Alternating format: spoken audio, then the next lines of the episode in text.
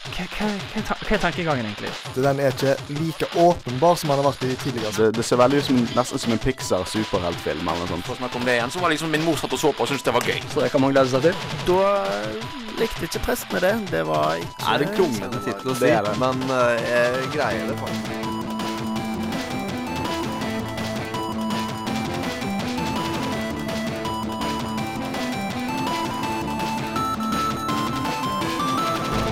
Hjertelig velkommen til atter en episode med spillmagasinet Hardcore! Yes! For den observante lytter som hører på oss hver eneste uke, som selvfølgelig er alle der ute i Bergens vidstrakte land, så er det ikke Jonas som er programleder denne uken. Det er jeg, Daniel Johansen, tidligere programleder, alt mulig sånn Gamecore-kjendis. Eh, jeg vet ikke hva. Eh, I tillegg med meg her i studio så har jeg Gar og Magnus. Hallo! Velkommen til dere. Eh, hva gleder dere mest til i dagens sending? Nei, jeg, jeg gleder meg til å høre om Gamebrary. Ja, vi får jo gjest. Eh, nemlig. Vi får gjest eh, av eh, Per Wolf fra Gamebrary, som skal eh, snakke om konseptet Gamebrary, hvor vi skal være gjester. Eh, så det er litt sånn dobbel Ja, fram og tilbake og alt mulig. Det kommer til å bli kjempegøy. Ja, jeg tror det blir veldig kjekt. I tillegg så skal vi også få høre hva som eh, skjer i Peter Molyneux sin verden. Den sjette Fable-skaperen har endelig gitt lyd fra seg, som egentlig ikke er så veldig ukjent, men det er, han har gitt ut nytt spill som er litt annerledes, for å si det skal sånn. endelig få lov til å høre hva Jonas mener om Ja. Siv. Ja, det har Og det har vi det.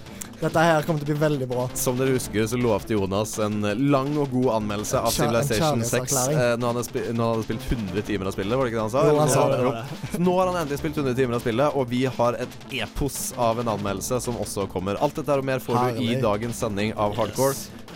eh, S- Si feil med en gang, selvfølgelig. Nå rett etter pappasaft over streken skal vi få høre nyheter her i Hardcore, men som sagt, innslag av sang.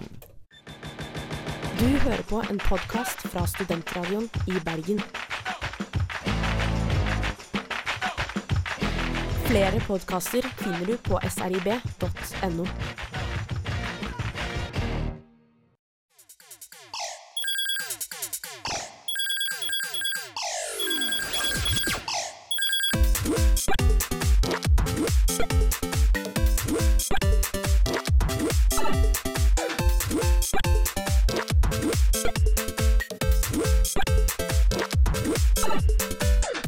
er tid for nyheter her i Hardcore P1. Ja, det er det.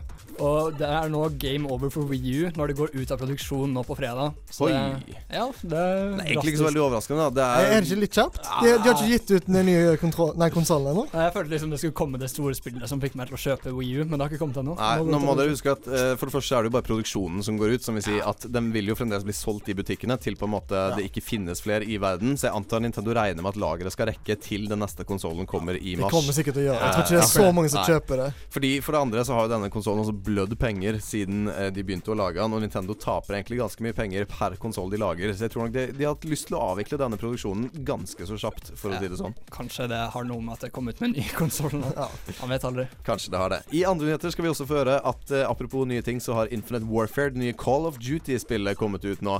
Eh, og det har solgt for 50% mindre enn det Black Ops 3 gjorde i fjor. Altså det forrige Call of Duty-spillet. Uh, overrasker det dere? Litt, Uh, altså, men altså at det, folk kjøper nye spill, liksom. At du ikke liksom fokuserer på de nye Ja, de framtidsspillene er jo bare positivt. Sant? Ja. Kanskje de Kanskje jeg kommer til å gå tilbake sånn som Battlefield har gjort. Det kan jo hende, i hvert fall. at fordi folk har jo sagt de ikke liker den framtidsgreiene deres. Ja, og nå har jo de hatt det ganske lenge, så kanskje de føler at dette blir en økonomisk eh, smekk på nesen, da. Ja, jeg føler ikke hva det neste skal bli hvis de går liksom enda lenger enn det de har gjort nå. Det Nei, jo Da er det bare så- roboter. Når du er forbi liksom verdensrommet, hva er neste frontier? Det er det som er det store spørsmålet. Det er det som er neste greie. Og apropos romvesener, skal vi også høre om hva som skjer i Blizzard sin Ja, fordi, verden. fordi Blizzard har jo hatt sin år, årlige BlizzCon, som Ja. er deres liksom konferanse, hvor det har kommet veldig mange nyheter til de forskjellige spillene deres. Blant annet Overwatch, som har nå fått skal komme med mange nye game modes, som f.eks. Uh, Arcade, hvor du har én mot én, tre mot tre, og det er Ja, de er litt sånn eh, Sånn én mot én, da er det duell med at du har to Det sier jo seg selv, da. ja, men, du- nei, men det, det, sier ikke, ikke helt seg selv. Nei. Fordi når det er én mot én, så velger du ikke hvilken helt du skal ha. Det er random, og begge har den samme helten. Oh, ja. Så du viser liksom hvem som er best med den helten. Ah. Tre mot tre så er det litt mer sånn det sier seg selv, Fordi da får du ett lag, Mm. og så må du liksom da er det, Selvfølgelig. Ja. Men da er det elimination. Du kan ikke respawne og sånt. Men det er masse nytt. Det kommer jo ny helt. Og ja, de, de kommer til å forandre på hvordan Overwatch er nå. Ja, blir den nye måten å vise skillsa sine, da. Ja. Det kommer til å bli Altså, få liksom de som kanskje er litt lei Overwatch, til å komme tilbake til Overwatch. Ja. I tillegg så har det også kommet nyheter om World of Warcraft og Diablo 3 på BlizzCon, men det var egentlig mer sånn oppdateringer vi allerede visste, så det er ikke noe vi føler vi trenger å snakke for mye om. Men hvis dere lurer på hva som skjedde på BlizzCon, som var nå 4. til 5. november Bare sjekke det ut. ja, sjekk det ut. Det er uh, selvfølgelig et av de største spillselskapene sine store messer, som vil si at det også er en av de største spillmessene. De har mye kult, for å si det sånn.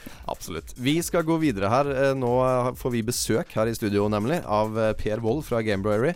Eh, Eller Bergen offentlige bibliotek er vel hans egentlige stilling, men han arrangerer Gamebrary som foregår i, eh, i Bergen offentlige bibliotek. Der skal vi også om ganske så nøyaktig seks dager. Så litt hvorfor, hvordan, hva og alt mulig slik kan du høre nå etter Uranium Club med Who Made The Man. Du hører på en podkast fra Studentradioen i Bergen. Fra Studentradioen i Bergen. Fra Studentradioen i Bergen. Flere podkaster finner du på srib.no.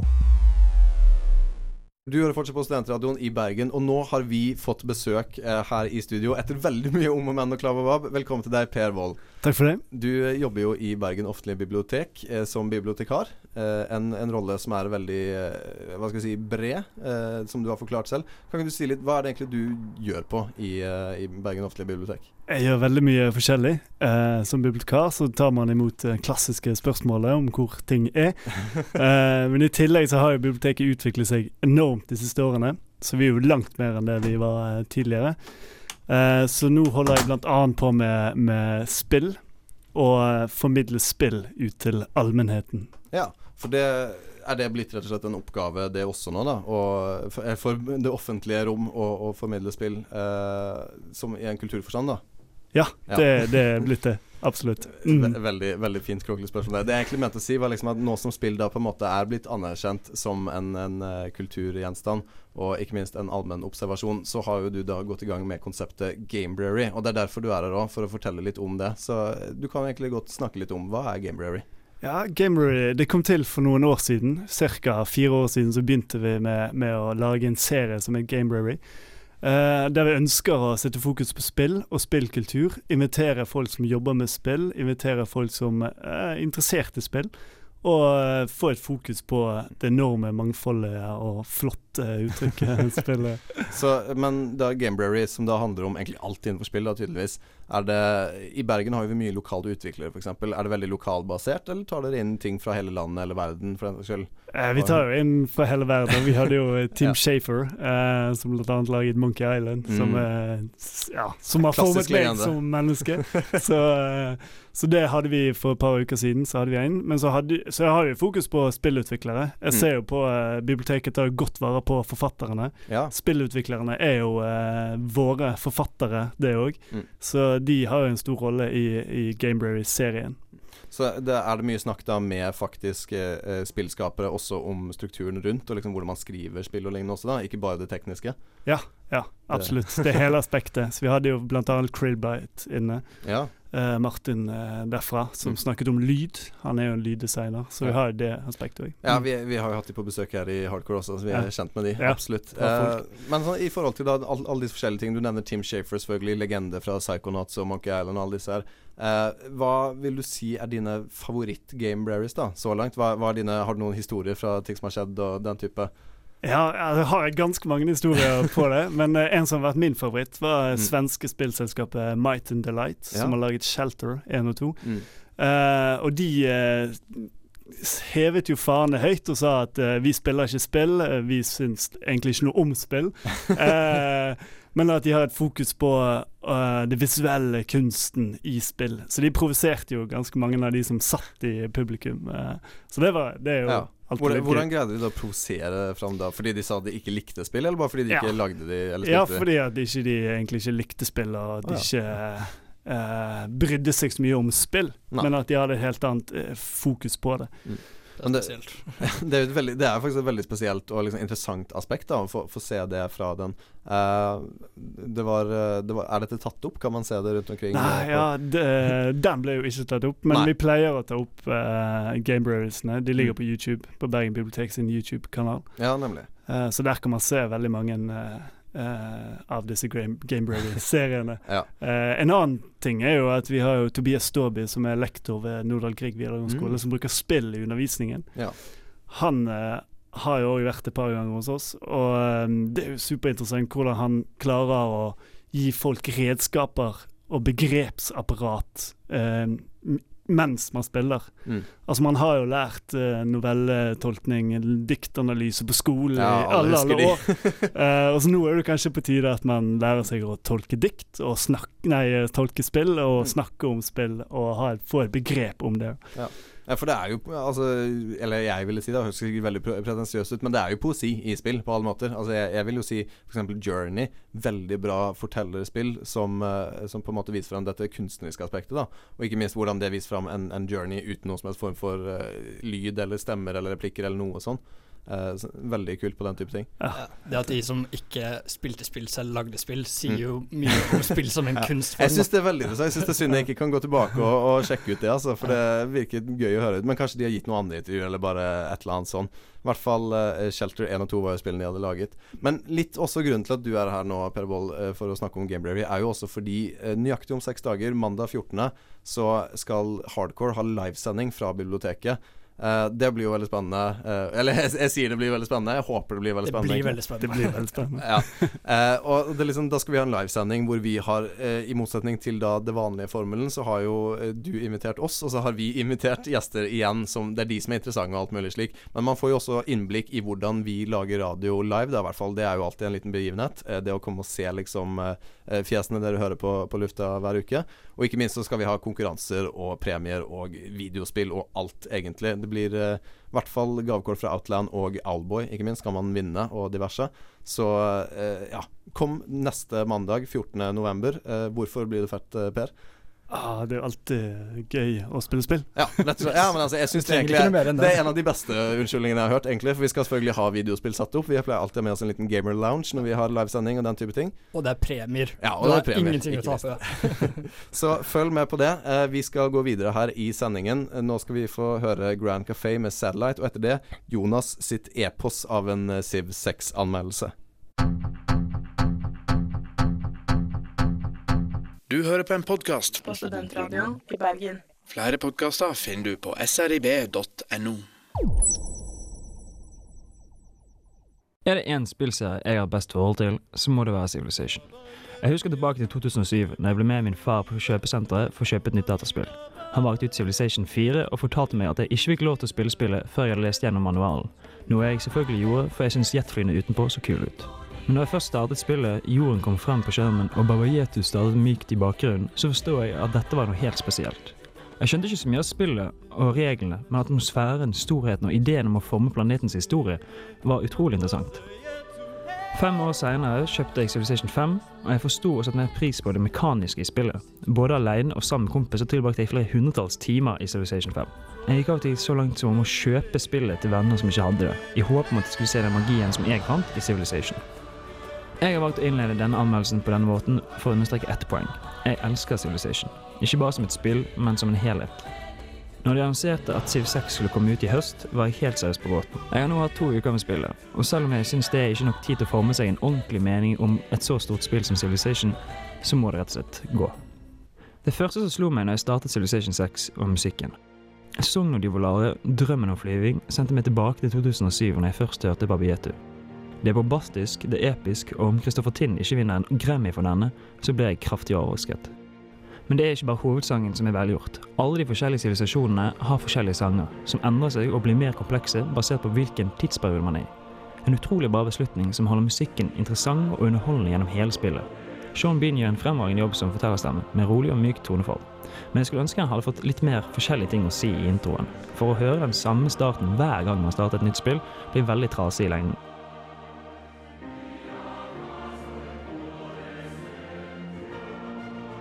I mitt første spill spilte jeg selvsagt som Norge, som er en helt ny sivilisasjon i serien, representert av Harald Hardråde. Og det var noe ekstra spesielt med å spille som sin egen nasjon. Bygge byer som Hamar og Stavanger, stavkirker mens mitt hjerte alltid vanker og ble spilt i bakgrunnen. Det gjorde hele opplevelsen mye mer personlig, og jeg ble veldig glad for at vi endelig har blitt med på ordentlig.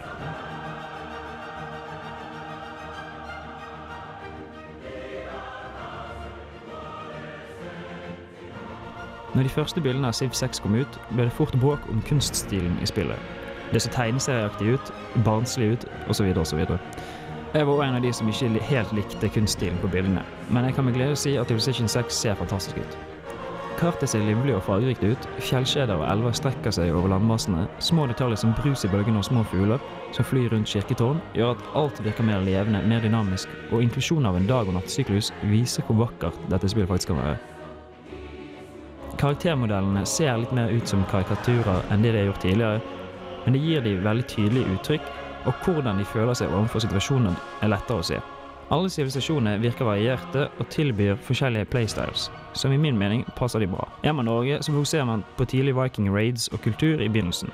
Er man Arabia, går man for økonomi og religiøs fremgang. Men det er ikke bare musikken og grafikken som er helt ny i Civilization 6. Selve spilldelen har selvsagt fått en overhaling også. For de som ikke vet, eh, følger Civilization-serien en regel som heter The Rule of Thirds. The Rule of Thirds går ut på at når man skal lage et nytt spill i serien, så må en tredjedel av det nye spillet beholde kjernemekanikker til Siv, en tredjedel må være helt nye konsepter, og en tredjedel må være forbedringer på noe det forrige spillet gjorde. Om de har fulgt regelen til punkt og bruke, er jeg ikke helt sikker på ennå, men det tar nok hundrevis av timer for å finne ut av. Men at de har gjort noen store endringer, det er helt klart. Det må påpekes at om du har spilt tidligere Civilization-spill, så vil du finne relativt godt til rette i Civilization 6. Det er mye som har endret seg, og som må være obs på å få med seg i begynnelsen, men det er fremdeles et 4X-spill. Explore, expand, exploit og exterminate. En av de største endringene er det de kaller unstacking av byer. For i tidligere Civ-spill har byene man bygger og bygningen i byene bare dekket én rute på kartet, men i Civ 6 begynner byene å spre seg mer ut.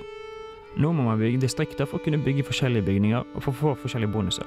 Terreng og beliggenhet er mye viktigere enn før, ettersom alle underverkene nå krever både plass og ressurser. Ikke alle byer kan bygge alt, og det er en positiv ting. Dette gir bygging i Civ 6 en dybde de tidligere spillene mangler, noe jeg er veldig glad for. For det fører til en mer realistisk og rettferdig måte å spille spillet på. Har du ikke tilgang til stein, nei, da kan du drite i å bygge Stonehenge. Ting har blitt vanskeligere å få tak i, og det mener jeg er positivt. Militær konflikt har også fått en positiv overhaling. Nå har man fått tilgang til support units, som gir soldater og lignende bonuser i kamp. Dette kan være i form av sanitetstropper som helbreder, overvåkningsballonger som gir ekstra synlighet på kartet, eller rambukker som brukes for å ignorere motstanderens forsvarsmurer. Man kan nå òg kombinere flere av samme type militærenhet for å lage armerkorps, som er sterkere versjoner av den typen enhet. Noe som kan komme godt med når man skal ut i krig, og det må du nok uansett hvor mye du vil. Negative effekter i diplomati for å gå i krig mot andre sivilisasjoner har fått noen endringer som jeg er stor fan av. Er man f.eks. noen æraer foran eh, en annen sivilisasjon, kan man erklære kolonikrig, for de er jo bare villmenn.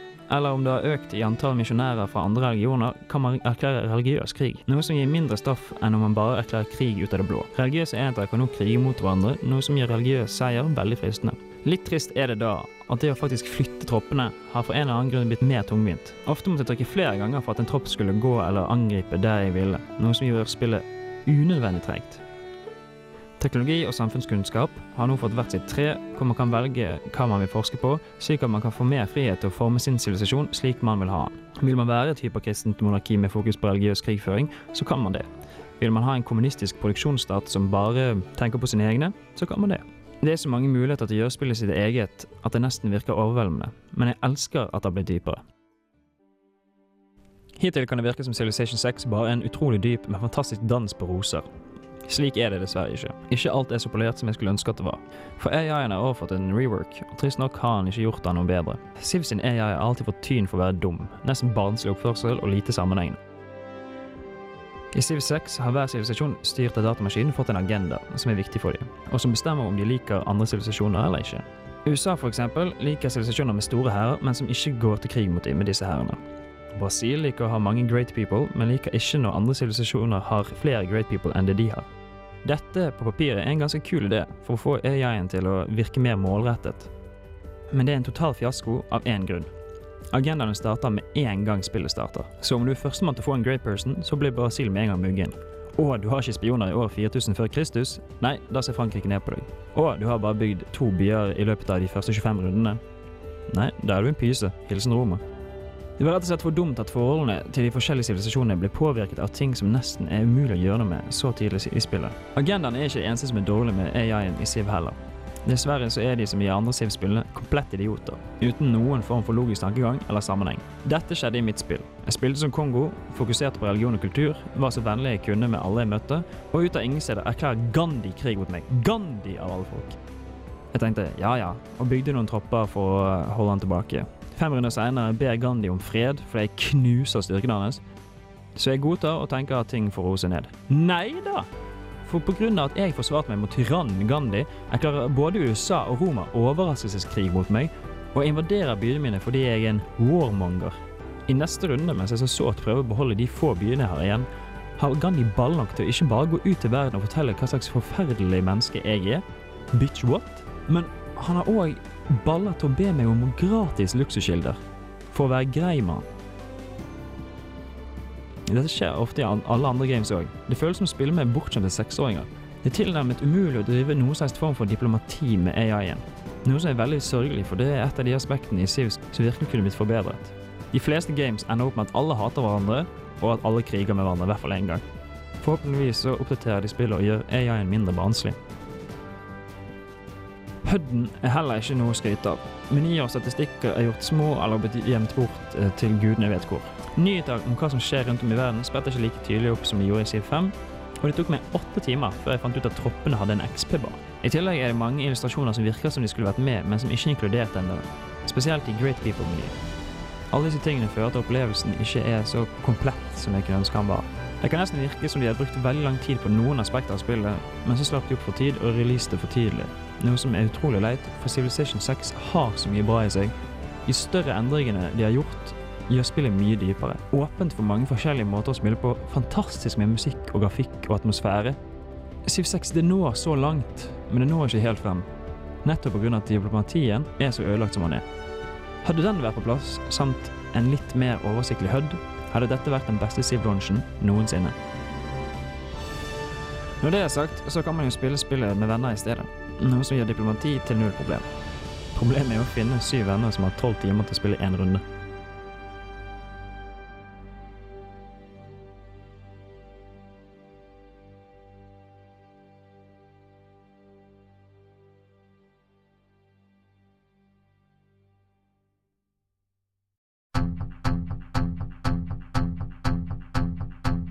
Du hører på en podkast på Studentradioen i Bergen.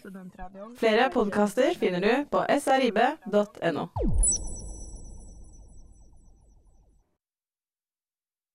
Wait a minute. Wait a minute, Doc. Uh, are you telling me that you built a time machine?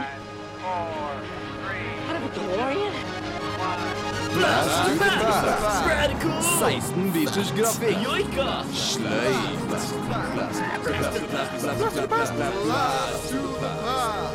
Den evig vakre, alltid tidsaktuelle Blast to the Past-jinglen blir spilt her. Alle i studio står og gliser. I studio står selvfølgelig Per Wold, hei til deg. Hallo. Du er fortsatt med, og selvfølgelig Gard og Magnus er her også. hei, hei. Hallo. Eh, og vi har jo da Blast to the Past, den klassiske spalten hvor vi går tilbake i fortiden eh, for å bare mimre og være gamle, egentlig. Det er liksom formålet her. Og selvfølgelig fordi vi har gjest, så tenkte vi å høre litt. Eh, per, du snakket jo nå i forrige stikk om Gameberry og alt mulig sånn, eh, fordi du liker spill, du har lyst til å jobbe med spill og diverse. Hva er det som har fått i gang den interessen for spill? Eller hvilke spill, ikke minst, er det som har fått i gang den interessen? Oi, eh, det, er, det er mange spill. Eh, jeg er jo såpass gammel at jeg spilte jo mye på eh, Amiga Mm. eh, når det var. Eh, det var jo forferdelig morsomt.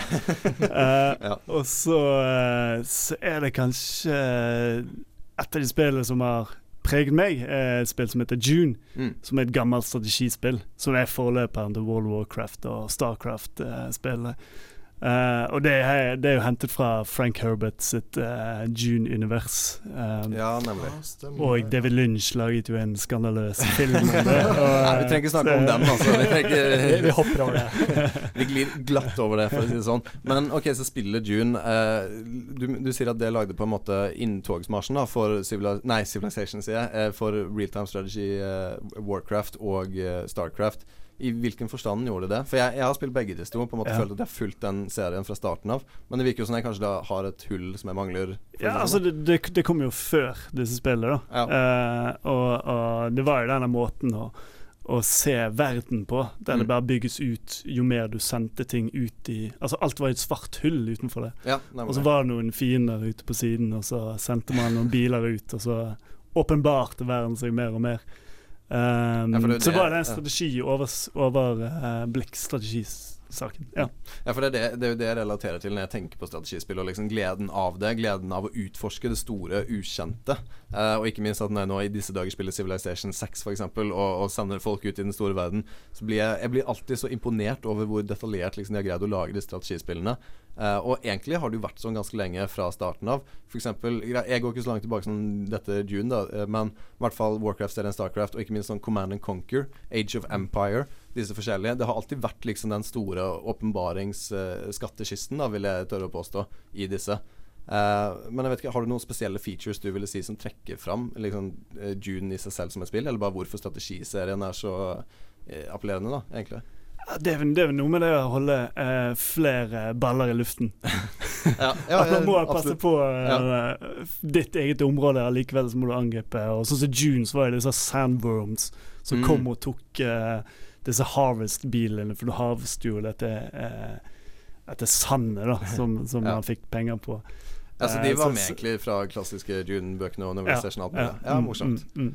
Men, men føler du at de hadde greid å Fordi dette er jo en ting som er I nyere spill så putter jo de inn alt av popkulturreferanser og alt mulig sånn når de lager en, eh, et spill, eh, videospillspill, eller filmspill, da, for å kalle det sånn.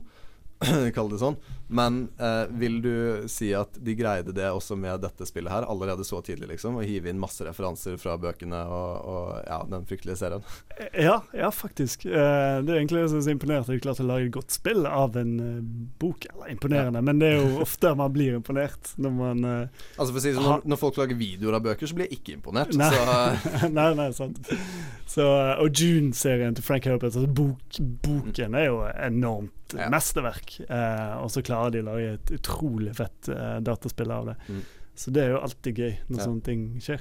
Magnus og Gahr, hva er deres eh, forhold til eh, strategispill? Eller spiller dere mye strategispill. Jeg har alltid spilt Civilization, Ja. Og det er jo ja, Hvem er det som ikke har spilt Civilization, egentlig? det er ganske mange, faktisk. mange. ja, ok, da. Men, men jeg er i hvert fall veldig glad i det. Altså, nesten alle gamere har kjøpt Civilization fordi det koster jo ingenting. Mm. Men har jo spilt sånn Warcraft 3 og sånt. Ja. ja for det er jo, er jo et sånt legendarisk spill. Men har ikke gått så langt tilbake at jeg har spilt June. nei. Mm. Men eh, har du spilt June fordi at du leste boka, og at du var interessert pga. den? Ja, det var jo egentlig det universet der som, Ja, det som, derfor, som gjorde det. Ja. Mm. Hva er det nå å gjøre når du kommer hjem, Daniel? ja, jeg står og allerede planlegger jeg, hvordan jeg skal greie å laste ned den bok eh, og spille spill. Og Må jeg sikkert programmere om Windows 10-PC-en min for å kunne kjøre et program eller et eller annet sånt. Og så- er spillet kanskje veldig dårlig. Ja, jeg har faktisk gått tilbake, og det er litt derfor vi holder på med denne Blast to the Past-spelten nå. Jeg har gått tilbake igjen til spill og liksom blitt positivt overrasket, annet Starcraft 1 eh, og Warcraft 3, ikke minst. Ja, Warcraft 3 føler jeg er Mm. tidløst, egentlig, Ja, ja. eh, og, og man kan alltid spille det. Og jeg får også veldig flashback til da jeg spilte Dota, selvfølgelig også, når jeg Nettopp, spilte fordi at Warcraft 3. Er jo egentlig Dota. Ja, altså, og Dota det. 2 blir jo spilt fortsatt veldig, kan du si. Ja, altså Dota 2 er jo svært. Ja, nettopp. Dota er Og at det liksom har kommet fra et strategispill, Ja. sier jo liksom hvor bra et spill kan være. Men nå føler jeg vi egentlig har exhausted dette temaet. Jeg merker vi sklir allerede over i Moba og Dota-land, og da er man gått for langt.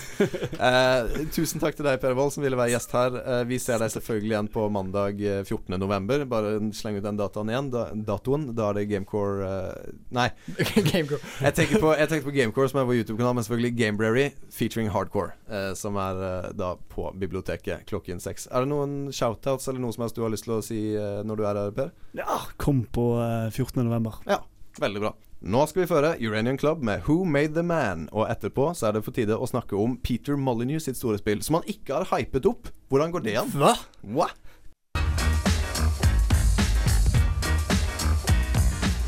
Du hører på en podkast fra Studentradioen i Bergen. Denne og mange andre flotte podkaster finner du på podkast.srib.no. Du hører fortsatt på spillmagasinet Hardcore, og i studio her står Gard. Yes. Hei, Gard. Hallo, hallo. Og Magnus. Hallo, hallo. Kommet tilbake igjen eh, fra Vi har hatt gjest, nemlig Per Wold. Som sagt, sjekk oss ut eh, på mandag. Få med dere Game premier, alt mulig slik. Nå skal vi snakke om et spill som ikke har blitt hypet i det hele tatt. Og det er liksom Det er et crazy fenomen i seg selv, fordi utvikleren av dette spillet, nemlig Peter Molyneux, er kjent for ingenting annet enn å overhype spillene han er med på. Eh, hvordan har dette skjedd, Magnus? Nei, han har jo egentlig bare Det har bare For meg Altså, jeg har, har ikke hørt om det Har ikke hørt om det faktisk før i går. Nei. Altså, det bare kommer på I- I- AppStore, og Ja. det er nå blant de ti beste, eller noe sånt. Det er i hvert fall utrolig populært. Ja, eh, og kanskje det er ja, Så det, det kan jo faktisk være at uh, han har klart en bra sted. At han har gått vekk fra å overhype, for han har jo fått veldig Ja. mye kritikk på at han faktisk har overhypa de her spillene. da Ja, for altså, eh, Man kan jo ikke si at han ikke gjør det. Hvert eneste spill han har laget, Fable 1, Fable 2, så er det liksom Han går alltid ut, lover gull og grønne skoger, og spillene er strålende, de, men de lever jo ikke opp til liksom den monumentale hypen han har satt til de. Og, og det blir så urettferdig mot spillene han lager, egentlig, for de er egentlig veldig bra. Men ja, eller ja. Fable 3 var vel ikke så bra, var det det? Altså, men det kan diskuteres. Alle, alle, tre, alle treere, liksom, er sånn Ja. da, da er man på litt sånn reserveideer og diverse. Så jeg føler ikke man kan rate en serie ut fra treeren. Nei, nei, serien er jo knallbra, men Ja. han kan ikke bli så bra som Men det er ikke det beste av Fable-serien, da. Kan, Nei, man- kan man det kan man ikke si. si. Men vi snakker om dette nye spillet som heter uh, ikke The Trial, men The Trail. Og Gar, Yes. du har jo nå spilt litt av Nå det. har jeg spilt det spillet her i ca. et kvarter, så jeg, jeg vil kalle meg ekspert, da. Ja, nei. Og ja, det er veldig fin grafikk. Det er et av de best fineste spillene jeg har sett på telefonen på lenge. Men det merkes veldig av at det er et telefonspill. Du, Det heter The Trail, og det er en grunn til at det heter The Ja, Trail. for, eh, forklar litt om spillet. Nå har jo ikke vi sagt Du noe om starter, det ennå. ja, ja, du starter liksom som basically en uteligger, bare at du ikke er det. Og så skal du, og så skal du gå. Og Ok, så, men rundt. egentlig Du starter ikke som en uteligger, du starter som en fyr som er ute og Ja. går. Ja, men du har ganske, fill, du har, du har ganske fillete klær og masse skjegg, så du, du ser ut som en uteligger. Ah, ja, Ok, en shabby backpacker, da. Ja, en shabby backpacker. Og så samler du skjell, Ja. og så skal du bygge sko sånn at du kan gå lenger. Og du går og Og du du- går. Jeg tror målet er å ikke slite seg ut fram til du kommer til neste Så formålet er at på hver bane så, så går man langs en sti, og så plukker ja, man opp gjenstander. Ja, man plukker ting. Og til slutt så, og etter hvert så får du t- forskjellige ting som Øks så kan du lettere få ressurser, og så Mm. møter du andre vandrere, da, og så kan du trade med de Ja. og få bedre items og Så alt, alt i alt høres jo det ut som et i hvert fall nifty mobilspill, eh, Ja. men dere sagt eller Det betyr ikke at det er bra, liksom. Nei, for jeg får litt inntrykk av nå. Dere syns ikke det er så engasjerende? Nei, for det er jo et mobilspill. Altså det, du, Nei, men Betyr det at det ikke er engasjerende? Altså, Ja. ja, ok. I hvert fall for, for meg. Altså, fordi det er liksom Du gjør ba, Du gjør samme tingene om igjen og om igjen. Det er bare en evig grindfest. Du bare Ja. Du går. Du finner nye Du finner pinner, og så bare lager du kanskje et bål. Så den Men- type mobilspill Men du har, liksom, du har liksom ikke en fast base hvor du liksom ah, 'Dette er min hjembase'. Du, du fortsetter bare på den jo, jeg, stien. jeg tror det kommer, faktisk. Jeg tror det kommer. Ja. Ja, ja, men ja, det, det Jeg, jeg, jeg tror faktisk, selv om liksom Jeg er ikke den største mobilspilleren. Jeg syns ikke Jeg ser ikke helt underholdningsverdien i det. Nei. Men jeg tror veldig mange vil like det spillet her. Og hvis du er glad i mobilspill, så vil jeg anbefale å sjekke det ut, i hvert fall. Sjekk det, det prøv i hvert fall. Altså, ikke hør, du trenger ikke høre på oss. Altså, vi er ikke kjent for å være Trenger hør på Magnus, er det Magnus Ikke hør på å. Magnus, hør på meg. Hør på Ja, meg. men, ja, fordi vi er ikke kjent for å like, like mobilspill. Så hvis Ja. du liker mobilspill, prøv det, for det kan være bra. Med, Altså, jeg, ja. jeg vil jo ikke si at vi ikke liker mobilspill, det er bare at vi hardcore har liksom vært litt kritiske til alle altså, Med god grunn. det finner, Ja, for det er det. Det finnes så mange dårlige spill som på en måte er bare laget for å loppe deg for penger. Eh, og liksom Pokémon Go i den saks skyld. ja, dette er jo for, Ja. dette er for så vidt gratis òg, så Ja. jeg vet ikke om det er mikrotransaksjoner. det er nok det, men jeg tror ikke det er Ja. Altså, du ikke klarer at jeg har fint spilt det så lenge, men jeg føler ikke at jeg ble pressa til Man, å man får ikke feelingen av at liksom når du logger inn, så er det sånn Det er sånn ikke Candy Crush. Nei, ja, sånn, nettopp hvor Candy Crush pusher på deg liksom ting i starten og sånn. Så greit nok, vi er veldig kritiske på mobilspill ofte, men det er bare fordi 90% av de er ræva. Men så har du 10% som Dette kan liksom faktisk være det som kanskje Ja. snur det. Ja, kanskje. Jeg må kanskje prøve meg litt mer enn et kvarter. Altså, sånn som Gerd har gjort. Ja. Kanskje blir det en eh, ny start for Molyneux òg, Ja, for, for det er jo litt det egentlig det, det blir her nå. At på en måte han eh, prøvde å Eller han, han jobbet i Fable, eh, jobbet i Lionel Studio. Lionel Studio gikk konkurs, mener jeg, for litt Noe siden. sånt, ja. eh, og så, ikke sant, som du begynte å nevne nå, så feilte han litt i Kickstarter. Så for han så blir jo dette også kanskje et vendepunkt. Jeg tror også det er derfor han er litt mer forsiktig med å liksom Ja, med å hype det. rope om det. Men jeg tror også kanskje mobilspill er en bedre plattform. Da. For det er Ja. sånn, Folk forventer ikke så mye ut av mobilspill, men jeg ble veldig imponert over grafikken spesielt. da Mm. Ja, spesielt grafikken er mesterlig. Ja, det må det er man sånn- bare si. Det er jo så bra som du får blitt på uh, mobilspill, liksom. Og ja, så hvis du Mm. ja, liker det, så sjekk det ut. God konklusjon. God det er det eneste vi kan si. Uh, sjekk det ut hvis du vil. Nå skal vi straks over til ukas utgivelser, eh, som er det siste vi gjør her i Hardcore-sendingen. Men aller først så skal du få høre Helado Negro med It's My Brown Skin. Du hører på en podkast fra Studentradioen i Bergen. Flere podkaster finner du på srib.no. Hva kommer i dag? Hva kommer i morgen? Hva kommer på torsdag? Hva kommer på fredag? Hva kommer på lørdag? Hva kommer på søndag? Hva kommer på mandag? Men ikke hva kommer på neste tirsdag. Ukas utgivelser. Eh, Det er Øyvind, et veldig tidligere medlem der, som klinger igjen og forteller oss at nå skal vi fortelle dere hva som kommer ut denne eh, Skulle til å si mandagen, men det kommer ingenting ut i dag. i Denne uka her? Ja, denne, uken. Ja, fordi denne uka så kommer det ikke så mye, men på torsdag, Mm. altså 10. november, så kommer Tyranny på PC, Mac og Linux og alt.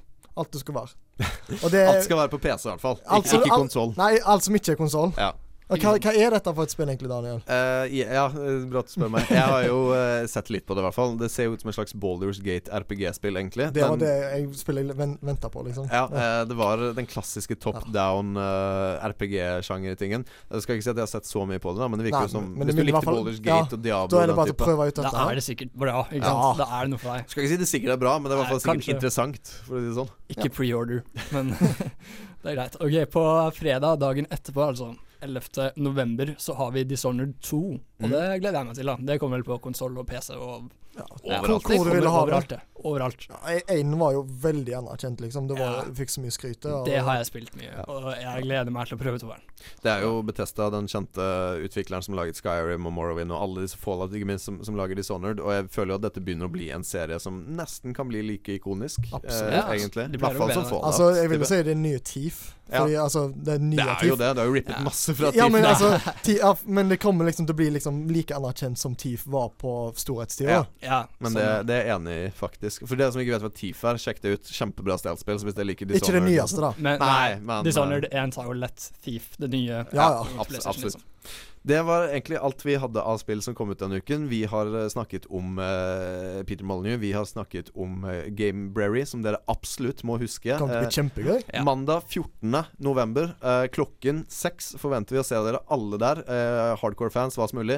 Dere kan vinne gavekort fra Outland. Dere kan vinne Allboy. Owlboy, ikke minst, fra Deep House Studio. Rain Games, eh, lokale utviklere som lager eh, World to the West, kommer for å snakke om det nye spillet sitt. Og i tillegg så blir det selvfølgelig konkurranser, alt mulig sånn. Det blir dødsfett. Og eh, selvfølgelig videospill. Absolutt. Hallo, vi, vi er videospill. eh, Det er det, det, er det som er greia vår. Altså. Kom og ta med en venn, og ta med moren din Ja. og bestemoren din. Dette blir gøy. Absolutt. Eh, så med det så sjekker vi eh, ut herfra. Ha, eh, nei, vi må si takk, selvfølgelig. Tusen takk til eh, deg, Gard. Tusen takk til Magnus. Og Tusen takk til Daniel. Tusen takk til meg. Tusen takk til produsenten Marie Hausgjerd, Og, og ikke minst tusen takk til gjest Per Wold fra Bergen Offentlige Bibliotek. Ha det bra. Ha det. Ha det bra.